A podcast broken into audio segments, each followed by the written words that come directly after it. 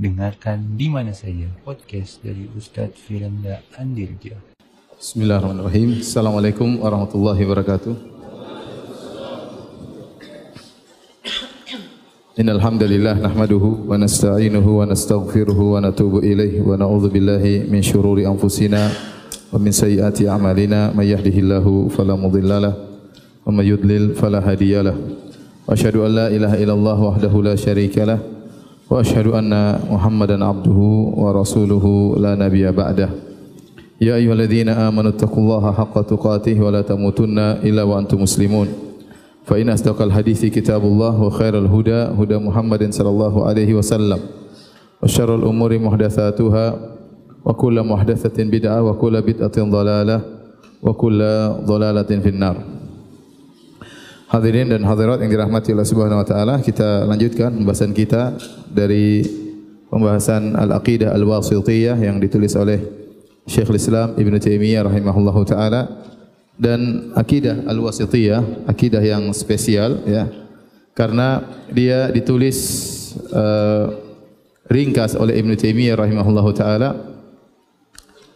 Uh, kemudian meskipun ringkas tetapi dia mencakup secara umum, secara global seluruh akidah Ahlussunnah wal Jamaah yang berkaitan dengan rukun iman ya. Iman billah wal malaikah wal rusul wal kutub kemudian wal yaumil akhir dan al qadar. Oleh karenanya barang siapa yang pelajari akidah wasitiyah maka secara umum dia sudah menguasai usul ahli sunnah, pokok-pokok akidah ahli sunnah yang berkaitan dengan rukun iman ya. Uh, dan perlu dia tambah untuk mempelajari kitab tauhid karangan Syekh Muhammad bin Abdul Wahab rahimahullahu taala karena dalam kitab Al-Aqidah Al-Wasitiyah tidak membahas tauhid al-uluhiyah. Tidak membahas tauhid al-uluhiyah. Maka siapa yang menggabungkan antara Al-Aqidah Al-Wasitiyah sama kitab tauhid maka dia telah mempelajari akidah dengan baik ya. Uh, kita masuk pada uh, pernyataan Syekhul Islam Ibnu Taimiyah rahimahullah taala. Beliau berkata uh, Bismillahirrahmanirrahim. Alhamdulillahilladzi arsala rasulahu bil huda wa dinil haqq liyudhhirahu 'ala ad-dini kulli wa kafa billahi syahida. Segala puji bagi Allah yang telah mengutus rasulnya dengan huda dengan petunjuk wa dinil haq dengan agama yang benar. Liyudhhirahu ala dini kulli untuk mengunggulkan agama tersebut di atas seluruh agama yang ada ya. Wa kafa billahi syahida dan cukuplah Allah menjadi saksi. Wa asyhadu an la ilaha illallah wahdahu la syarikalah iqraran bihi wa tauhidan aku bersaksi bahwasanya tidak ada sembahan yang berhak disembah kecuali Allah Subhanahu wa taala tidak ada sekutu baginya mengakuinya dan mentauhidkannya. Wa asyhadu anna Muhammadan abduhu wa rasuluh. Aku bersaksi bahwasanya Muhammad adalah hambanya dan rasulnya sallallahu alaihi wa ala alihi wa ashabihi wa sallama tasliman mazida. Uh, Al-Aqidah Al-Wasitiyah kalau yang punya majmu' fatawa bisa dibaca di halaman atau jilid 3 halaman 130. Jilid 3 halaman 130 atau 129 ya. Uh, setelah itu, setelah beliau memberi mukaddimah, membuka risalah beliau, ya, beliau berkata, amma ba'du, kemudian daripada itu, fahada i'tiqadil fir, fahada i'tiqadul firqatin najiyati al-mansurati ila qiyamis sa'ah ahli sunnah wal jamaah. Ini lafal beliau, kata beliau, fahada i'tiqadu al-firqatin najiyati al-mansurati ila qiyamis sa'ah ahli sunnah wal jamaah.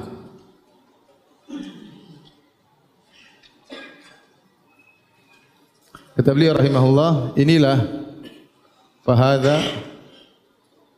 i'tiqad keyakinan ya al firqatun najiyah al mansurah ila qiyamis saah ahli sunnah wal jamaah.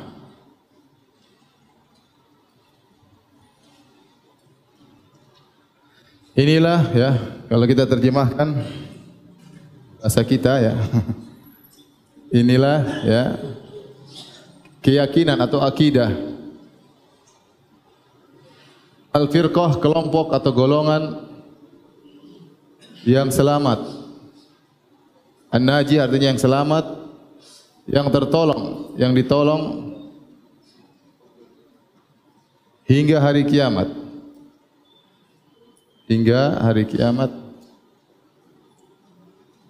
yaitu menjelang hari kiamat mereka adalah ahli sunnah wal jamaah yaitu ahli sunnah wa al jamaah. Jadi buku ini isinya adalah i'tiqad, akidah yang membedakan antara akidah firqah yang selamat atau akidah golongan yang selamat jika dibandingkan dengan firqah-firqah yang halikah yang binasa. Ibn Taimiyah rahimahullah taala dalam munadharah waktu dia berdialog sama orang-orang yang gerah dengan buku ini, beliau menantang apa yang saya tulis semuanya ada dalilnya. Apa yang saya tuliskan, saya torehkan dalam kitab Al-Qaqidah Wasitiyah, seluruhnya ada dalilnya. Dari Al-Quran mau dari As-Sunnah maupun dari asar para salaf. Silakan datangkan satu huruf saja yang ada tertera dalam akidah ini yang bukan dari Al-Quran dan Sunnah dan bukan dari salaf. Dan mereka tidak mampu mendatangkannya. Ya. Jadi semua yang ditulis oleh Ibn Taimiyah rahimahullah ini semuanya ada dalilnya Al-Quran atau As-Sunnah atau dari asar para para salaf. Ya. Di sini Syekhul Islam Taimiyah mensifati kelompok yang selamat dengan tiga sifat. Yang pertama, ini golongan ini disifati dengan najiyah. Golongan yang selamat. Yang kedua disifati dengan surah ditolong dan yang ketiga disifati dengan ahlu sunnah wal jamaah. Dan tiga nama ini adalah nama yang syar'i, ya, nama yang syar'i yang disebut oleh Ibn Taimiyah dalam akidah beliau. Adapun asal muasal dari al-firqatun najiyah maka berdasarkan hadis yang masyhur ya tentang hadis iftirakul ummah. Dalilnya? Tentang hadis iftirakul ummah. Hadis perpecahan umat. Di mana Nabi sallallahu alaihi wasallam bersabda ya iftaraqatil yahudu ila ihda wa sab'ina firqah. Sungguhnya yahudi terpecah menjadi 71 golongan wa iftaraqatin nasara ila sintaini wa sab'ina firqah dan Nasara terpecah menjadi 72 golongan. Wa sataftariqu hadhil ummah ala 73 firqah dan umat ini terpecah akan terpecah menjadi 73 golongan. Kulluha finnar illa wahidah. Semua di neraka kecuali satu. Para sahabat bertanya, "Man hum ya Rasulullah?" Dalam sebagian riwayat, "Man hum al-firqatun najiyah?" Atau manin najiyah? Siapa yang selamat ya?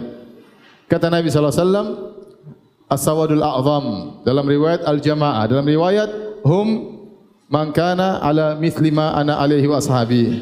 Yang selamat adalah orang-orang yang berada di atas jalanku dan jalan para sahabatku. Dalam sebagian riwayat itu orang-orang yang berjamaah. Dalam sebagian riwayat mereka adalah uh, orang yang paling banyak di zaman Nabi sallallahu alaihi wasallam. Sehingga ada istilah dari mafhum hadis tersebut al-firqatun najiyah. Karena kata Nabi kullu hafinar ila wahidah. Semuanya di neraka, 70 di neraka kecuali satu. Maka itulah firqah yang selamat maka diberi nama dengan al-firqatun najiyah. Adapun istilah al-mansurah yang tertolong dalam hadis yang sahih sahih Bukhari dan yang lainnya kata Nabi wasallam la tazalu ta'ifatu min hadhil ummah ya mansurah ila qiyamis saah. Ya, la yadhurruhum man khadalahum wala man khalafahum.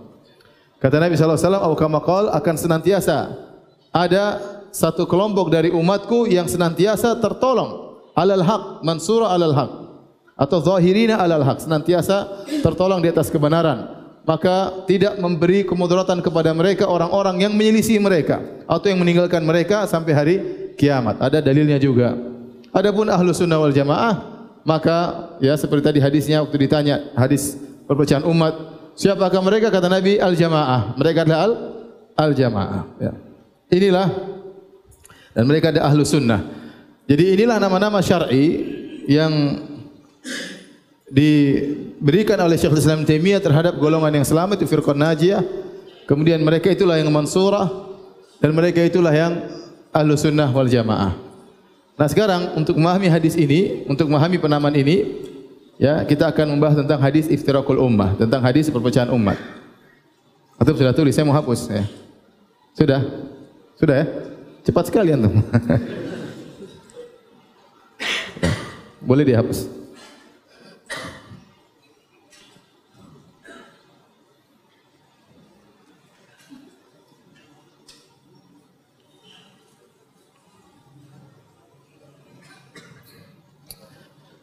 Jadi kata Nabi wasallam dalam hadis, "Wa sataftariqu hadhil ummah ala dan umat ini wa sataftariqu hadhil ummah ila salasi wa sab'ina firqah." Kulluha finnar illa wahidah. Bahwasanya umat ini ya, umat ini akan terpecah. Akan terpecah, tercerai-berai, terpecah. Umat ini menjadi 73 golongan. Semuanya di neraka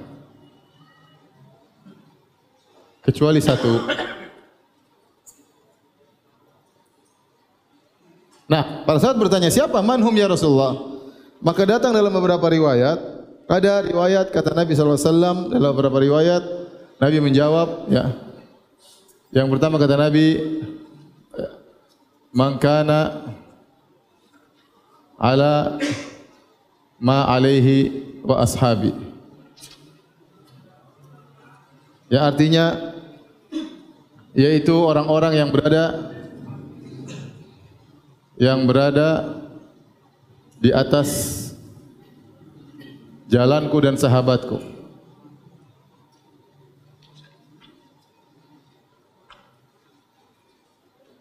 Kemudian dalam riwayat yang lain kata Nabi SAW, Humul jamaah. Mereka adalah yang berjamaah, yaitu bersatu, berjamaah. Maksudnya bersatu di atas kebenaran.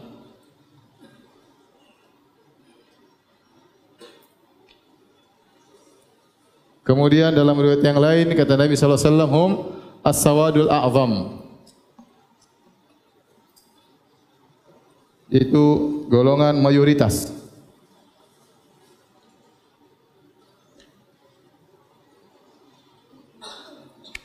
Taib, ini uh, berkaitan dengan hadis ini ya. Para ulama membahas bahwasanya tiga lafal ini mangkana mislima ana alaihi ma ana alaihi ashabi.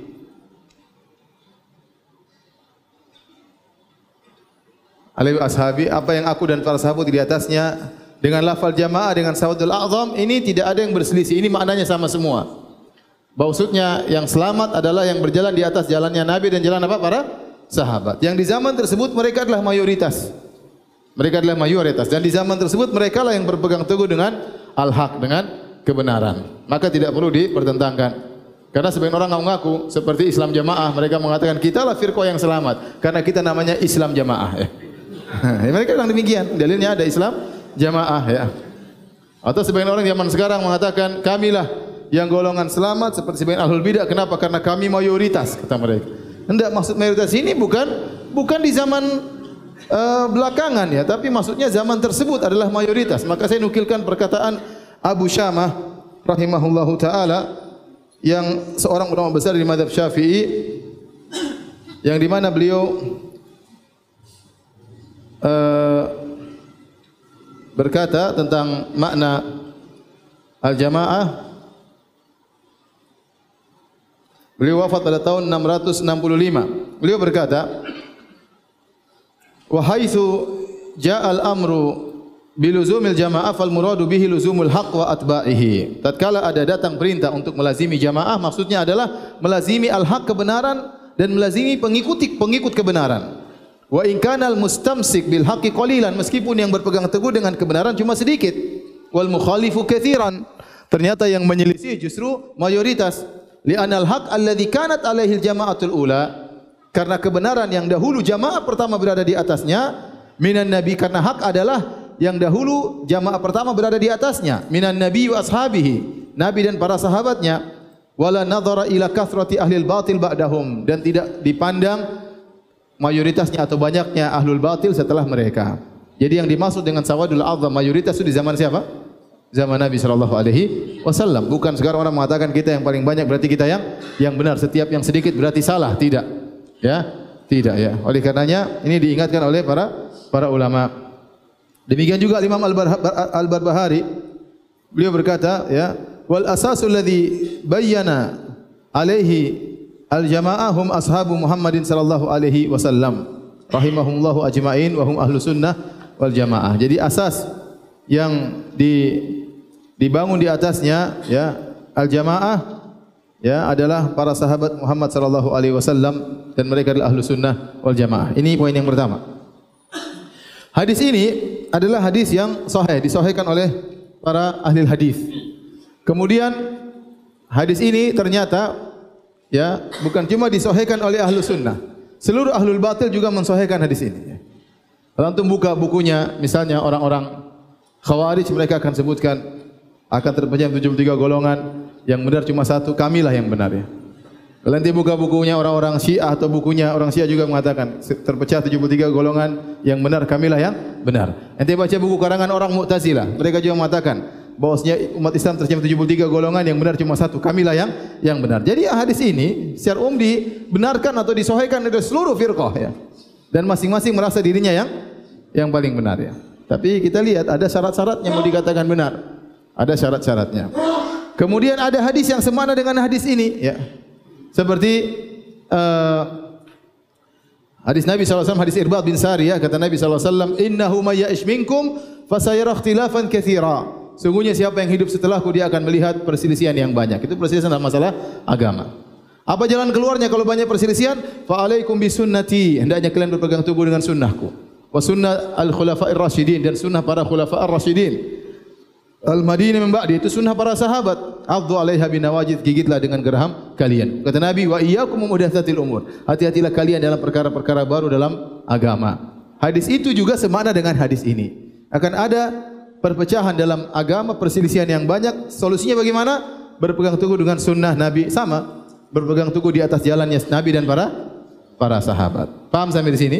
Ini menunjukkan bahwasanya firqah najiyah hadisnya tentang firqah najisnya sahih dan didukung dengan hadis yang lain ya.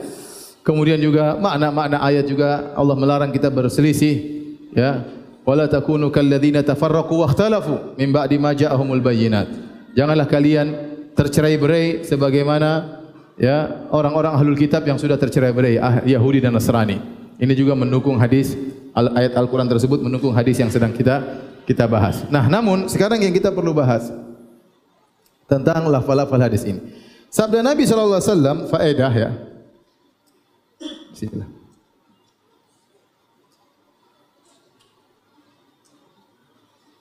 Yang pertama lafal finnar ya. Lafal finnar di neraka. Ini menunjukkan bahwasanya ya, menunjukkan bahwasanya mereka ini firqah-firqah ini firqah-firqah ini melakukan dosa besar. Dosa besar, maka berbahaya jangan sampai keluar dari firqah najiyah, dari golongan yang selamat. Karena keluar dari firqah najiyah membuat hal-hal baru dalam akidah yang menyelisihi akidah Ahlussunnah wal Jamaah, maka seorang terjerumus bisa terjerumus dalam neraka jahanam ya dan dia terancam dengan neraka jahanam berarti dia melakukan dosa besar. Yang kedua, sama Ya. Apakah firqah-firqah tersebut kafir? Firqah-firqah yang 72 kafir.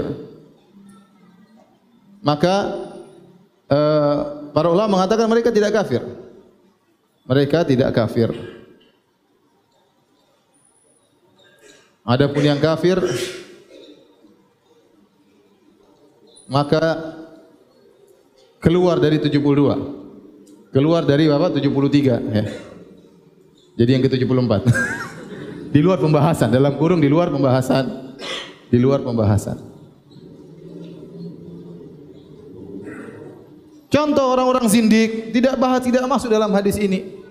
Contoh orang-orang munafik tidak masuk dalam hadis ini, faham? Contoh cara untuk orang yang mengatakan uh, bahwasanya Allah bersatu dengan dirinya itihadiyah tidak masuk dalam hadis ini. Hadis ini berbicara tentang firqah-firqah dalam Islam yang mereka masih Islam tapi mereka terjerumus dalam dosa besar karena menyimpang dalam masalah akidah, ya. Dan ini penjelasan Syekhul Islam Ibnu Taimiyah rahimahullah dan yang lainnya. Paham sampai sini? Baik. Yang kedua, apakah firqah-firqah tersebut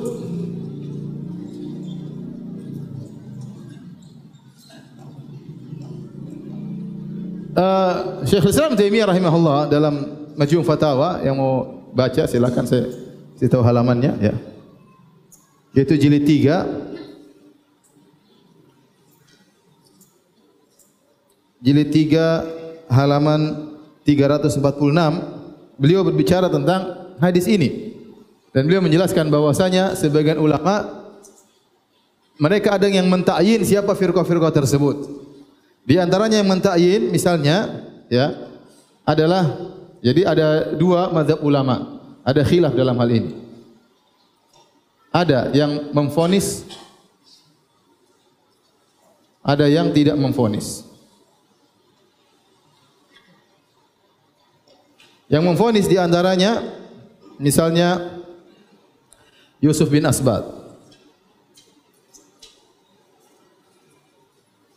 di antaranya Ibnu Mubarak.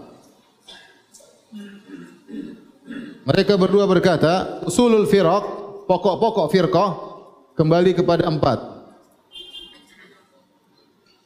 Kembali kepada empat, yaitu Ar-Rafidah. Ya, ingat Rafidah di zaman mereka ini bukan Rafidah seperti sekarang. Rafidah di zaman mereka ini bukan Rafidah yang mengatakan Al-Quran itu kurang, ya. Imam Ali Maksum itu muncul belakangan. Muncul apa?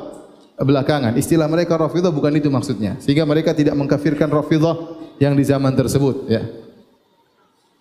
Di antaranya Rafidah, kemudian Al-Khawarij, kemudian uh, Al-Mu'tazilah, Al-Qadariyah, kemudian Al-Murji'ah. Ah, dua ulama ini berpendapat, inilah pokok-pokok dari uh, firqah. Kemudian adapun ashab Imam Ahmad yaitu murid-murid Imam Ahmad kata mereka usul firqah ada lima. Pokok-pokok firqah ada lima. Ditambah satu di sini yaitu al-jahmiyah Waktu Ibnu Mubarak mengatakan, jadi Ibnu Mubarak dan Yusuf bin Asbat mereka mengatakan firqah asalnya ada empat, Rafidah, Khawarij, Qadariyah, Murji'ah. Kemudian masing-masing terpecah menjadi 18. 18 kali 4 berapa? 72. 18 kali 4 72. Waktu ditanya kepada Ibnu Mubarak, Jahmiyah bagaimana? Kok enggak masuk? Kata Ibnu Mubarak, Jahmiyah bukan Islam. Jahmiyah bukan Islam, keluar dari pembahasan. Faham? Dari pembahasan. Uh, adapun Imam Ahmad mengatakan sudah murid-murid Imam Ahmad mengatakan bahwasanya lima firqah utama ada Jahmiyah ditambah Jahmiyah sehingga masing-masing terpecah menjadi 12. Paham 12 kali 5 berapa? 60 kurang ya? 14 kalau begitu. berapa sampai 72? 16 atau 14? 14 ya? 14 kali 5? Masih kurang ya? Udah bagi aja sendiri lah berapa. Pokoknya Eh, enggak sampai 72 kurang ya. Intinya 16 kebagi 2 bagi kali 5 berapa? 50 6 kali 5 80 kelebihan. Ya udahlah. Begini intinya 5 ini terpecah-pecah menjadi 70 72. Ibnu Taimiyah rahimahullahu taala ya lebih cenderung kepada mazhab yang tidak memfonis. Ya. Dia menukil ini semua, tapi Ibnu Taimiyah lebih cenderung kepada mazhab yang tidak memfonis. Ini pendapat Ibn Taimiyah rahimahullah taala. Ya. Kenapa kita untuk menekankan bahawa 72 tidak mudah? Sekarang apakah benar maksudnya 72 hanya terbatas pada lima kelompok dan cabang-cabangnya? Dan apakah sekarang sudah 72? Hari kiamat kita tah kapan? Mungkin aja muncul firqah-firqah yang lain sehingga ini semua membuat beliau rahimahullah taala tidak tidak mem memfonis dan itu lebih hati-hati. Tugas beliau hanyalah menjelaskan kesesatan, kesalahan. Adun fonis kamu termasuk 72 ini tidak gampang. Tidak gampang. Dulu saya punya kawan anak SMP ya. Di di Sorong ya. Di situ ada sekelompok orang mereka beribadah sambil goyang-goyang kepala, yang sambil memelukkan badan, goyang-goyang kepala sampai ada yang pingsan, ada yang kerasukan. Ada seorang abri atau seorang tentara tanya, "Dek atau polisi, Dek, ini apa ini Dek kok ibadahnya kayak gini?" Kata kawan saya, "Pak polisi, Islam terjadi terpecah menjadi 73 golongan. 72 di neraka, salah satunya ini katanya." Mantap katanya. Jadi lebih hati-hati. Saya tidak saya tidak tidak melarang orang yang fonis masing-masing punya ilmu ya. Tetapi saya lebih cenderung kepada madhabnya Ibnu Taimiyah rahimahullah taala. Antum tidak perlu memfonis masalah neraka masalah yang gaib, tetapi antum menjelaskan kebatilan kesesatan itu harus dan itu yang dilakukan oleh Ibnu Taimiyah rahimahullah taala. Tanpa harus memfonis ente termasuk 72 ya. Oleh karenanya waktu Ibnu Taimiyah ditanya tentang apakah semua yang menyelisih akidah Ahlussunnah pasti binasa masuk neraka? Ibnu Taimiyah belum tentu. Nanti akan kita nukilkan perkataan Syekhul Islam Ibnu Taimiyah rahimahullahu taala. Taib. Kemudian hal atau perkara-perkara apa? Yang mengeluarkan seorang dari ahlu sunnah.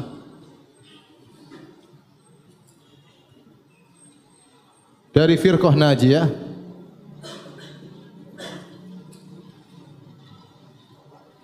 Maka para ulama menjelaskan ini maksud adalah adalah bid'ah-bid'ah dalam akidah. Bid'ah bid'ah apa? Penyimpangan-penyimpangan dalam masalah akidah. Oleh kerana tatkala mereka menyebutkan sebagian yang memfonis, mereka sebutkan semua ini bid'ah akidah. Rafidah masalah apa? Akidah. Khawarij masalah apa? Akidah. Mengkafirkan kaum muslimin, memandang bahwasanya harus memberontak, itu semua akidah. Ya. Kemudian Qadariyah juga masalah takdir, Murji'ah masalah iman, Jahmiyah masalah sifat-sifat Allah Subhanahu wa taala. Sehingga ya, mereka mengatakan para ulama menjelaskan bahwasanya bid'ah bid'ah yang buat seorang keluar dari ahlu sunnah menjadi uh, firqah halikah keluar dari firqah najiyah menjadi firqah yang sesat adalah orang-orang yang terjerumus dalam bid'ah bid'ah besar yaitu bid'ah bid'ah apa akidah ya. bukan semua bid'ah membuat orang keluar eh, ente 72 berarti ente 72 termasuk 72 ya. misalnya ada orang misalnya habis salat kemudian salam-salaman eh 72 golongan. Enggak gitu, enggak juga. Kita bilang dia melakukan bid'ah. Sama seperti orang melakukan maksiat. Tidak semua kita bilang orang fasik. Mungkin dia melihat sesuatu yang haram. Tidak kita ente fasik. Belum tentu. Dia maksiat, maksiat dia. Dia salah. Orang bohong sekali-sekali ya dia bohong. Dia dosa. Tapi kita mengatakan orang fasik ya. Orang munafik itu fonis tersendiri. Fonis tersendiri. Jadi tidak semua orang yang melakukan bid'ah. Kemudian kita mengatakan dia termasuk 72 golongan. Ya. Jadi bid'ah-bid'ah yang dimaksud oleh para ulama bid'ah-bid'ah besar, bukan bid'ah-bid'ah amaliyah yang sederhana yang bertingkat-tingkat atau seperti ibaratnya ini ini yang dijelaskan oleh Syekh Islam Taimiyah yang juga disebutkan oleh uh, apa namanya ulama sekarang seperti Syekh Sa'di kemudian uh, Syekh Ibn Jibrin rahimahumullah taala atau dengan yang disebut oleh Asy-Syatibi maksudnya Bid'ah-bid'ah yang buat seorang keluar dari Ahlussunnah wal Jamaah adalah bid'ah-bid'ah pada perkara kuliat. Kuliat itu perkara-perkara yang yang mencakup umum. Jadi kaidah umum yang dilanggar, kaidah Ahlussunnah yang umum dilanggar dan ini akan membawa dampak banyak perkara-perkara kecil yang masuk dalam hal tersebut. Baru dikatakan dia keluar jalan. Contoh, contoh. Misalnya akidah kaidah umum Ahlussunnah takdimun naql alal aql. Ahlussunnah mengatakan dalil harus didahulukan daripada akal. Kalau ada pertentangan seakan-akan antara akal dan dan dalil, maka akal yang dicurigai, akal yang dicurigai, bukan sebaliknya. Selalu dalil yang dikalahkan, akal yang dimenangkan. Ini kaidah baku Ahlussunnah wal Jamaah. Kemudian ada orang yang menyelisih kaidah ini, bikin kaidah baru bahwasanya akal didahulukan daripada dalil seperti Mu'tazilah dan Asy'ariyah yang mereka mengatakan di dalam buku-buku mereka bahwasanya akal didahulukan daripada dalil, maka ini keluar daripada Ahlus Sunnah wal Jamaah. Kenapa? Karena di bawah kaidah ini banyak sekali perkara yang akan hancur. Setiap hari oh enggak, oh enggak masuk akal. Ini enggak benar, selesai. Ya, dan itu tidak ada kaidah yang me, me, me, apa namanya mengatur kaidah tersebut. Bahwasanya akal didahulukan atas dalil. Ya, sekarang akal beda-beda. Menurut akal dia diterima, akal kita enggak diterima, repot kalau begitu. Maka ini contoh seorang atau penyelisihan ter terhadap, terhadap perkara yang kuli. Kuli bahasa Indonesia apa ya? Perkara yang komprehensif atau perkara yang yang umum yang dibawa keumuman tersebut banyak perkara-perkara di bawahnya. Paham? Contoh lagi misalnya akidah Ahlussunnah bahwasanya uh, akidah diambil dari seluruh hadis yang sahih, baik mutawatir maupun hadis ahad. Baik mutawatir maupun hadis ahad. Ini akidah Ahlussunnah wal Jamaah. Kemudian datang orang-orang Mu'tazilah bikin bikin kaidah bahwasanya akidah hanya boleh diambil dari hadis yang mutawatir. Ini di bawah kaidah rusak ini banyak sekali yang harus dibuang akhirnya hadis-hadis. Ini contoh penyelisihan terhadap perkara yang kulli.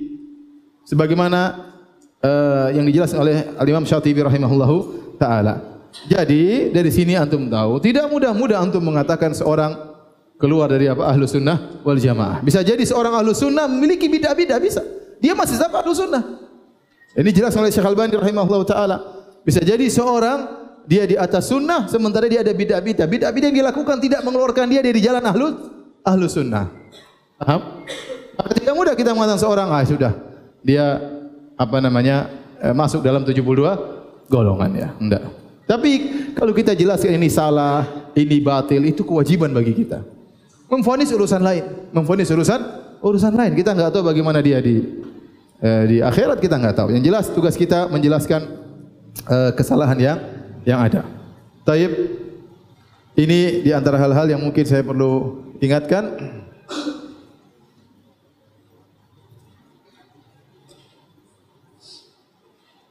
Taib, saya rasa cukup ya.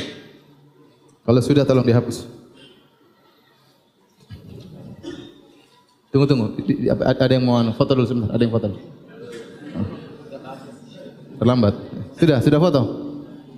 Sudah hapus saja.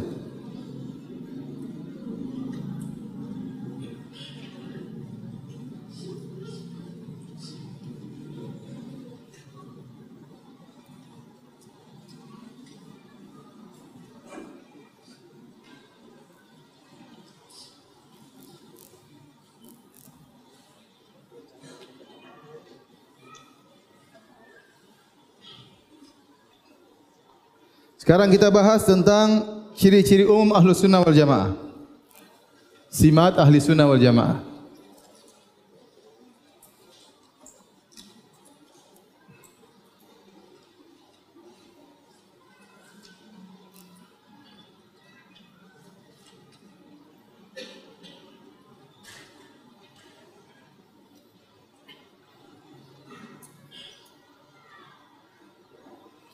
Banyak ciri-ciri umum mereka.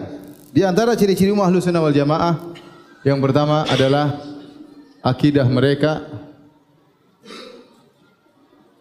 Semuanya dibangun di atas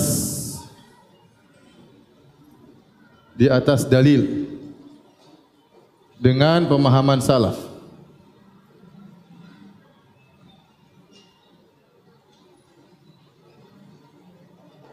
Ya. Kemudian yang kedua mereka mengimani semua dalil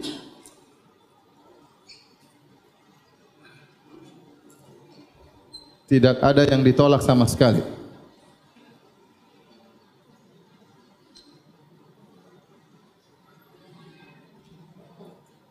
Yang ketiga, mereka meyakini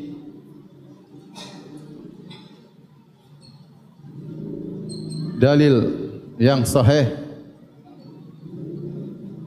yang sore tegas tidak akan bertentangan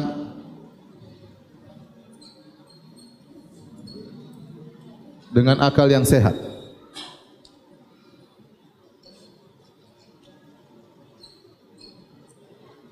Keempat, kalau disangka dalil menyelisihi akal maka akal yang dicurigai.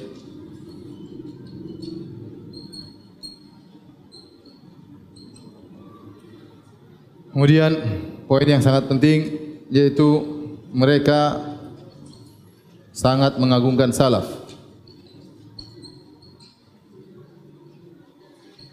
Mengagungkan salaf. Taib. Kita akan singgung satu persatu. Yang pertama, akidah Ahlussunnah wal Jamaah dibangun al dalil Al-Qur'an dan Sunnah dengan pemahaman salaf. Makanya Ibnu Taimiyah ditanya, "Apa akidahmu?" Maka dia berkata, "Amal i'tiqad, fala yukhadhu anni wala amman huwa akbaru minni." Akidah bukan diambil dariku. Bukan juga diambil oleh orang lebih hebat daripada aku. Tetapi diambil dari apa? Al-Qur'an dan Sunnah. A- dan apa yang disepakati oleh para salaful ummah. Itulah akidah. Makanya kalau kita baca buku-buku akidah dari zaman dahulu, ya, Imam Bukhari sampai sekarang kita baca buku ulama semuanya ini dalil ini akidahnya ini dalilnya, ini akidahnya ini dalilnya. Semua pakai dalil. Maka tidak mungkin Ahlus Sunnah berdalil dengan apa? Dengan kasyaf, tidak mungkin. Akidah begini karena kasyaf begini. Tidak mungkin Ahlus Sunnah berdalil dengan mimpi. Akidah begini karena saya mimpi begini. Tidak ada, ya. Kasyaf, mimpi itu semua bukan dalil. Mimpi bisa bisa menguatkan tapi dia bukan dalil. Dalil utama adalah Al-Quran dan apa? Sunnah. Apalagi berdalil dengan perasaan. Zauk. Ini dalilnya orang-orang sufi. Zauk. Kashf. Kemudian uh, mimpi. Dan yang semisalnya. Ini semua bukan dalil. Dalil adalah Al-Quran dan dan Sunnah. Al-Quran dan dan Sunnah. Dan ini ciri-ciri khas akidah Al-Sunnah wal Jamaah. Kita dapati buku-buku mereka. Isinya adalah Al-Quran dan Sunnah. Al-Quran dan Sunnah. Dan mudah untuk dipahami oleh masyarakat. Kemudian Poin berikutnya sini mereka sangat menggagungkan salaf. Ya. Mereka sangat menggagungkan apa? Salaf. Kenapa kita ahlu sunnah meyakini generasi terbaik umat ini adalah para salaf? Ini sangat, sangat logis karena para salaf adalah mereka adalah murid langsung Nabi Shallallahu Alaihi Wasallam. Kenapa? Kenapa? Karena mereka murid langsung Nabi. Nabi sallallahu alaihi wasallam. Kemudian mereka yang langsung menerapkan menerapkan dalil-dalil atau ayat-ayat yang turun. Ayat-ayat dan hadis-hadis. Dalam penerapan tersebut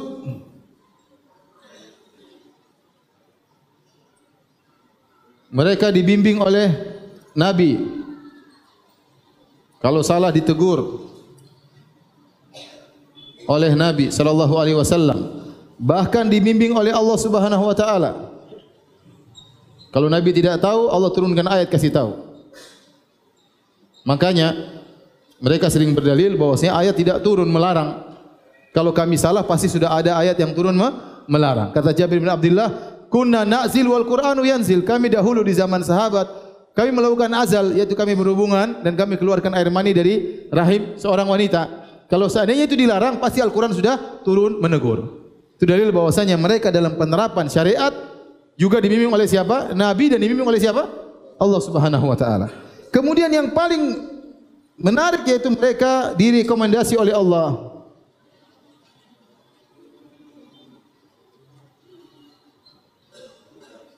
oleh Allah dan Nabi.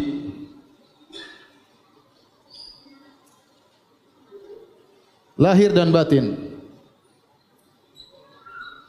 Terlalu banyak ayat memuji para sahabat. Ya. Kata Allah tentang para muhajirin, lil fuqara'il muhajirin alladzina ukhriju min diyarihim amwalihim yabtaguna fadlan min Allah wa ridwana wa yansuruna Allah wa rasulahu ulaika humus. Orang-orang muhajirin yang meninggalkan harta mereka, meninggalkan kampung halaman mereka, untuk apa? Ya butaguna fadlan min Allah wa ridwana. Mereka mencari karunia Allah. Mereka mencari keridhaan Allah. Allah puji niat mereka. Wa yansuruna Allah wa rasulah dan mereka telah menolong Allah dan Rasulnya. Allah puji zahir mereka. Mereka menolong Allah dan Rasulnya. Kata Allah ulaika humus sadiqun. Mereka adalah orang-orang imannya benar. Kemudian Allah puji orang-orang uh, Ansar. Walladzina tabawwa'u daru al-imana min qablihim yuhibbuna man hajara seterusnya. Jadi ayat terlalu banyak ya memuji kaum Ansar dan kaum Muhajirin. والسابقون minal muhajirin wal ansar والذين tabauhum bi ihsan radhiyallahu anhum ورضوا wa لهم jannatin tajri تحتها anhar. kata Allah Subhanahu wa taala dan kaum pertama kali masuk Islam muhajirin dan ansar mereka pasti masuk surga kata Allah Subhanahu wa taala Adapun selain mereka untuk masuk surga syaratnya walladzina tabauhum bi ihsan, harus mengikuti mereka dengan dengan baik.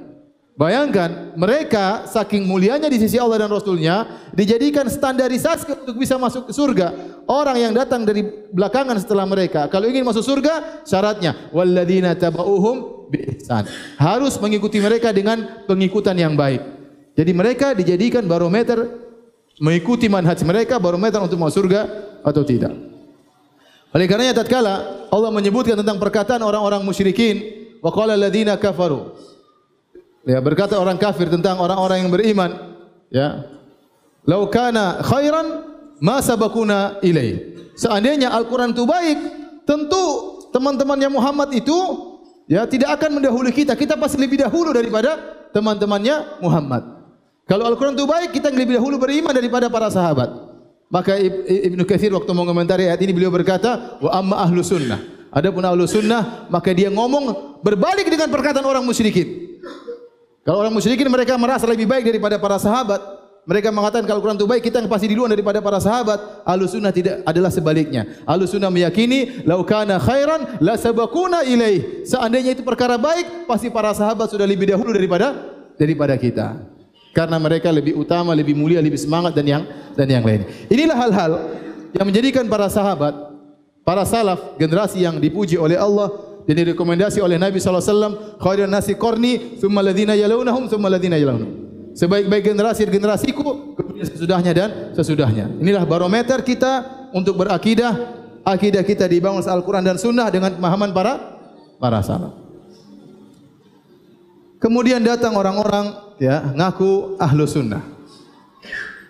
Ngaku apa? Ahlu sunnah.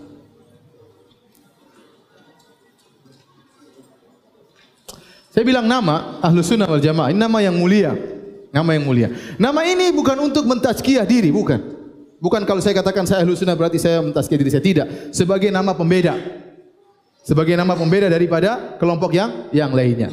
Ya, sama seperti Islam beda dengan Yahudi, Nasrani dan agama yang lain. Sama. Ahlu sunnah disebut ahlu sunnah penamaan tersebut untuk membedakan antara ahlu sunnah dengan ahlu bid'ah. Antara firqah najiyah dengan firqah yang halikah. Jadi tujuannya disebut ahlu sunnah adalah untuk membedakan. Karena di zaman tersebut banyak bid'ah-bid'ah, maka harus dibedakan. Seperti perkataan Ibnu Sirin. Disebut oleh Imam Muslim dalam Muqaddimah Sahih Muslim. Waktu mereka menyebutkan hadis, maka Ibnu Sirin berkata, Sammulana rijalakum. Sebutkanlah rawi-rawi hadis ini. Kalau ini dari ahlu sunnah, yuntar ila ahlu sunnah, fayuqbal hadithuhu. Kalau ini perawinya ahlu sunnah, diterima hadisnya. Kalau perawinya ahlu bidah, ditolak. Kenapa? Karena di zaman periwayatan hadis tersebut mulai muncul ahlul bid'ah. Maka perlu ada nama yang bedakan antara ahlul sunnah dengan ahlul ahlul bid'ah. Perlu ada. Nah sekarang semua orang ngaku-ngaku ahlul sunnah. Ya. Maka perlu ada orang para ulama bikin nama baru. Namanya apa? Salafiyin atau salafiyun. Manhajus salaf. Dan mereka tidak berani menamakan diri mereka manhajus salaf. Karena mereka tahu konsekuensinya kalau bilang manhajus salaf harus ada salafnya. Kalau ahlu sunnah mereka masih ngaku kita ahlu sunnah, ahlu sunnah ya. Kau bikin bid'ah? Ah ini bid'ah hasanah. Berarti ahlul bid'ah hasanah. Ahlul bid'ah hasanah wal jamaah. Paham ya? Jadi ah, sebenarnya ini nama yang mulia ahlu sunnah. Berarti ente harus berada dengan sunnah, harus dengan dalil. Bagaimana ente berakidah atau melakukan perbuatan yang tidak ada dalilnya? Bagaimana ente melakukan perbuatan yang tidak ada dalilnya? Kalau ente mengatakan ente ahlu sunnah, harusnya ente sibuk dengan sunnah-sunnah Nabi. Ya, ente harus memperjuangkan sunnah-sunnah Nabi. Tapi kalau ternyata yang ente perjuangkan amal yang utama yang ente lakukan bukan ajaran Nabi sallallahu alaihi wasallam, maka ente tidak dikatakan ahlu sunnah. Siapa yang mengatakan ini sunnah Nabi sallallahu alaihi wasallam? Enggak ada yang berani. Ya. Apakah ente lakukan di sunnah Nabi? Nabi pernah melakukannya, sahabat pernah melakukannya? Enggak ada. Terus ente bilang katakan ente ahlu sunnah? Enggak bisa. Keyakinan ente ini, contohnya mengatakan Allah tidak di atas, tidak di bawah. Ini akidahnya Nabi bukan? Mana dalilnya? Satu saja hadis. Kita ahlu sunnah kita bawakan seribu hadis, seribu dalil bisa. Allah di atas. Ayat hadis-hadisnya perkataan sahabat banyak sekali, seribu. Ente mengatakan Allah tidak di atas, tidak di bawah. Allah tidak di mana-mana. Itu yang ngomong gitu siapa? Mana sunnahnya? Mana hadisnya? Sebutkan satu hadis Nabi. Tidak ada. Terus ente bilang ente ahlu sunnah. Bagaimana? Jadi susah. Mereka ini mengatakan mereka ahlu sunnah sementara mereka tidak mengikuti sunnah-sunnah Nabi Sallallahu Alaihi Wasallam. Tapi mereka tetap mengaku ya sudah. Kita ada nama baru namanya manhajus salaf. Salafiyun nisbah kepada para salaf. Ah, mereka tidak berani. Karena mereka tahu kalau sudah bilang di atas manhaj salaf, konsekuensinya ada. Harus ada salafnya dan mereka ya mereka tidak mungkin mengatakan salah begini karena mereka mengatakan ini bid'ah jelas tapi ini bid'ah yang apa? hasanah ya. Jadi mereka tidak mau menambahkan diri mereka dengan manhajus manhajus salah. Azan kah? Belum. Baik, jadi nama ahlu sunnah ini wal jamaah adalah untuk tamyiz. Pembeda. Ya. Bukan tazkiyah. Rekomendasi. Rekomendasi. Jangan ente mengatakan ente ngaku-ngaku salaf, ente kayak sudah benar aja. saya belum benar, cuma saya senang di atas mandat salaf. Saya bukan mengatakan saya salafi berarti saya mau surga, bukan ada begitu. Saya salafi untuk membedakan saya tidak seperti mereka. Mana saya berbeda dengan apa? Mereka. Maksudnya manhajus salaf yaitu berusaha mengikuti apa? Manhajus salaf, ya.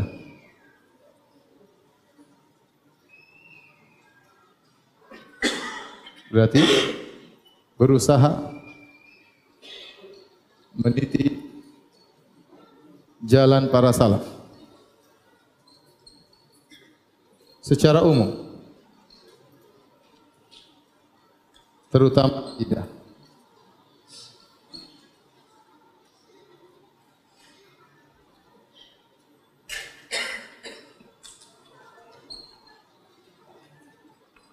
Raga akidah. Nah, di antara ciri ahlu sunnah juga, saya lupa ya, ini selanjutnya ya. Masih ada panjang. Sudah azan belum? Mereka mengimani semua dalil, tidak ada yang ditolak sama sekali. Kalau antum perhatikan sebagian ahlul bidah, ternyata mereka mengimani sebagian dalil, mereka tolak sebagian dalil. Dan itu bukan akidah ahlu sunnah. Ahlu sunnah semua dalil mereka datangkan dan mereka beriman dengan semua dalil tersebut. Dapat ente dapat ya khawarij mereka beriman sebagian dalil yang mengatakan seakan-akan mengkafirkan sementara dalil yang menunjukkan tidak kafir mereka sembunyikan. Itu manhajnya khawarij. Sebaliknya murjiah mereka mendapati dalil-dalil yang seakan-akan orang bermaksiat tidak masalah ya. Seperti hadis wa in sarak wa in zana wa in sarak apakah dia beriman muslim iya meskipun berzina meskipun mencuri kata Nabi ya dia masih muslim. Ah ini ada dalilnya. Ya, zina mencuri enggak ada masalah masih apa? Muslim. Dia lupa ada hadis-hadis yang lain mengatakan pezina pencuri masuk apa? neraka. Ya. Sehingga beriman hanya sebagian hadis dan menolak yang uh, lainnya. Ya.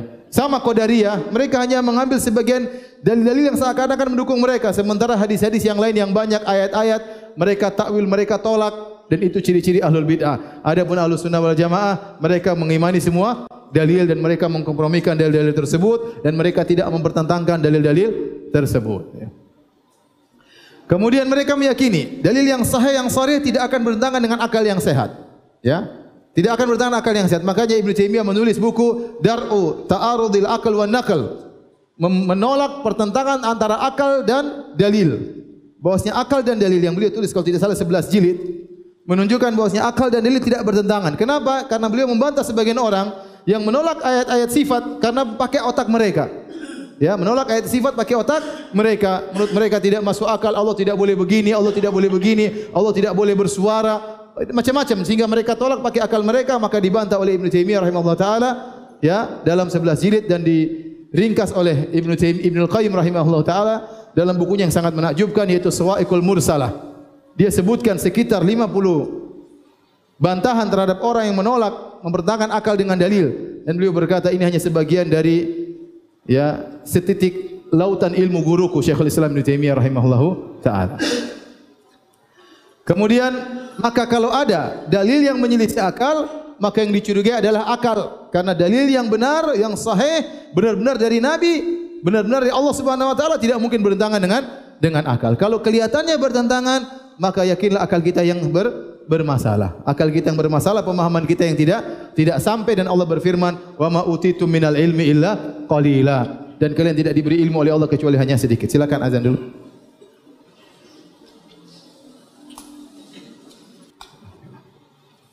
Hadirin dan hadirat yang dirahmati oleh Allah Subhanahu wa taala. Jadi dari sini kita tahu bahwasanya Ahlu Sunnah mereka berafiliasi kepada nama-nama yang syar'i seperti kepada sunnah, Ahlu Sunnah atau seperti perkataan Imam Ahmad ahlu sunnah siapa? Ahlul hadis berarti bernisbahkan kepada sunnah atau kepada hadis Nabi sallallahu alaihi wasallam. Atau namanya firqah najiyah sebagian datang dalam hadis yang sudah kita jelaskan. Atau mereka menisbahkan diri mereka kepada salaf dengan nama salafiyun yaitu mengikuti manhajul salaf. Ya ya namanya salafiyun. Dan ini nama-nama yang syar'i. Adapun mereka yang keluar dari ahlu sunnah kita dapati nama-nama mereka Ya terkadang dinisbahkan kepada kesalahan mereka, terkadang dinisbahkan kepada pendiri mereka. Ya. Terkadang dinisbahkan kepada kesalahan mereka, terkadang dinisbahkan kepada pendiri mereka. contoh seperti Rafidhah karena mereka menolak keimaman uh, Abu Bakar dan siapa? Dan Umar. Maunya Ali yang jadi khilafah misalnya atau khalifah. Kemudian uh, contohnya Qadariyah karena mereka menolak takdir ya. Contohnya uh, Murji'ah karena mereka menolak iman dinamakan dengan Murji'ah ya. Khawarij karena mereka keluar dari memberontak terhadap pemerintah yang sah dan mengkafirkan kaum muslimin maka disebut dengan apa? Khawarij. Terkadang dinisbahkan kepada pendirinya seperti Jahmiyah disebabkan kepada Jaham bin Sofwan ya. Karena itu akidah baru yang dibuat oleh Jaham bin Sofwan. Atau seperti Asy'ariyah ya. Abu Hasan Al-Asy'ari disebabkan kepada Abu Hasan Al-Asy'ari sementara Abu Hasan Al-Asy'ari sudah tobat dan rujuk. Nanti akan kita jelaskan pada kesempatan yang lain. Jadi mereka bernisbah kepada Abu Hasan Al-Asy'ari mengikuti akidah dia sebelum dia berubah. Sementara dia berubah setelah itu dan buku-buku yang sampai kepada kita menyelisih akidah mereka yang ada sekarang ini. Buku-bukunya Abu Hasan Al-Syari seperti Maqalat al-Islamiyin, kemudian Al-Ibanah, Risalah ila Ali Sagar, itu semuanya menyelisih akidah mereka yang mereka yakini sekarang ini. Dan kemudian contohnya lagi Maturidiyah, nisbah kepada Abu Mansur Al-Maturidi. Ya, disebut akidah Maturidiyah. Mungkin akidah-akidah yang saya juga tidak tidak tahu. Intinya bahwasanya Ahlus Sunnah memiliki nama yang syar'i, tidak dinisbahkan kepada keyakinan tertentu dan tidak dinisbahkan kepada pendiri karena ini akidah milik Allah dan Rasulnya yang dipahami oleh para uh, salaful ummah bukan cipta, bukan kreasi Ibn Taimiyah bukan kreasi seseorang ya. Ya maka kita semua menolak penisbatan kepada uh, orang atau akidah tertentu yang bukan dari Al-Quran dan Sunnah. Terakhir saya sampaikan kepada para hadirin dan hadirat yang dirahmati Allah Subhanahu Wa Taala, ya. Uh, Ibn Taimiyah dia bercerita tentang perdebatan beliau sampai beberapa majelis berhari-hari. Orang-orang yang mengkritiki beliau tentang uh, al-qidah wasitiyah dan kemudian beliau membantah hujah-hujah mereka dan beliau menjelaskan dengan baik. Kemudian beliau berkata fahadal i'tiqad di uh, di antara perdebatan beliau beliau menyampaikan kepada para hadirin fahadal i'tiqad huwal ma'thur anin nabi sallallahu alaihi wasallam. Inilah akidah yang saya tulis ini inilah yang datang dari nabi sallallahu alaihi wasallam. Wa ashabihi dan juga dari para sahabat radhiyallahu anhum. Wahum manittaba'ahum al-firqatun najiyah. Maka mereka itu sahabat dan Nabi sallallahu alaihi wasallam. Dan para pengikut mereka mereka itulah firqah yang golongan yang selamat, ya. Kemudian beliau berkata, "Wa kullu ma dzakartuhu fi dzalik." Dan semua aku sebutkan dalam akidah ini, fa innahu ma'surun anis sahabah. Semuanya datang dari sahabat bil asanidi tsabitah. Lafzuhu wa ma'nahu. Semuanya datang dari sahabat dengan sanad-sanad yang sahih lafalnya dan maknanya. Ini bukan jadi Ibnu Taimiyah hanya merangkai saja sebenarnya. Apa yang dia tulis pakai dewa ini semuanya lafalnya datang dalam dalil atau dari perkataan para sahabat, bukan karangan bukan kata-kata dia. Ya, semuanya ada dalilnya. Wa idza khalafahum man ba'dahum lam yadhurra fi. Kalau ternyata setelah itu muncul orang-orang menyelisihi mereka, maka mereka tidak akan mendapatkan kemudaratan. Enggak ada masalah. Tapi yang saya tulis adalah perkataan apa? Mereka dengan sanad yang sahih. Summa qultu lahum kata Ibnu Taimiyah. Kemudian aku berkata kepada mereka orang-orang mendebat beliau. Perhatikan sini. Wa laysa kullu man khalafa fi syai'in min hadzal i'tiqad yajibu an yakuna halikan. Tidak semua orang menyelisih akidah yang saya tulis ini berarti dia harus binasa, masuk neraka. Fa innal munazi' qad yakunu mujtahidan mukhti'an yaghfirullahu khata'ahu. Terkadang yang menyelisih bisa jadi dia beristihad dan dia salah dan Allah mengampuni kesalahannya. Waqad la yakunu balaghahu fi dzalika minal ilmi ma taqumu bihi alaihi hujjah. Terkadang ilmu tidak sampai kepadanya sehingga tidak tegak hujjah kepadanya. Waqad yakunu lahu minal hasanat ma yahmullahu bihi sayyiatihi. Bisa jadi dia punya banyak kebaikan yang akhirnya menghilangkan kesalahan-kesalahannya. Ya. Wa idza kanat alfazul wa'id almutanawala lahu almutanawilatu lahu wa ghairu dzalik fahada aula bal mujibu hadzal kalam anna man i'taqada dzalika naja fi hadzal i'tiqad. Intinya dia mengatakan yang maksud pembahasan saya ini ya barang siapa yang meyakini apa yang saya tulis dari akidah para sahabat dan tabi'in dan akidah Nabi sallallahu alaihi wasallam maka dia selamat. Wa man i'taqada dziddahu barang siapa yang menyelisih akidah yang saya tulis ini bisa jadi qad yakunu najian wa qad la yakunu najian bisa jadi selamat kalau dia ternyata banyak uzur dan bisa jadi tidak selamat kalau tidak ada uzur. Ini Taimiyah berbicara di zaman dia. Kita bilang apalagi di zaman sekarang. Ya, banyak orang yang tidak paham Banyak saudara-saudara kita yang hanya ikut-ikutan. Banyak saudara-saudara kita yang ternyata dibimbing oleh orang-orang yang pelaku bid'ah. Maka kita harus penuh kelembutan sampaikan kepada mereka. Ya, jauhi lisan kita dari fonis memfonis ya. Kita tugas kita menjelaskan kesalahan. Ini yang Allah tanya akan bertanya kepada kita hal ini. Kita sudah diberi ilmu tentang kebenaran dan kita tahu kesalahan, maka tugas kita menyampaikan kebenaran dan menjelaskan kesalahan. Tidak perlu kita fonis ah 72. Oh 72. Ini jalan sama dia sama 72. Itu bukan tugas kita ikhwan ya. Itu hanya semakin buat umat terpuruk dan di sana orang-orang lebih senang kalau kita semakin terpecah belah. Tugas kita menyampaikan kebenaran. Ya, diterima alhamdulillah, tidak terima kita berdoa semoga mereka diampuni oleh Allah Subhanahu wa taala. Demikian apa yang saya sampaikan pada kesempatan kali ini insyaallah kita lanjutkan pekan depan ya, tidak ada tanya jawab ya. Subhanakallah bihamdik asyhadu alla ilaha anta. Assalamualaikum warahmatullahi wabarakatuh.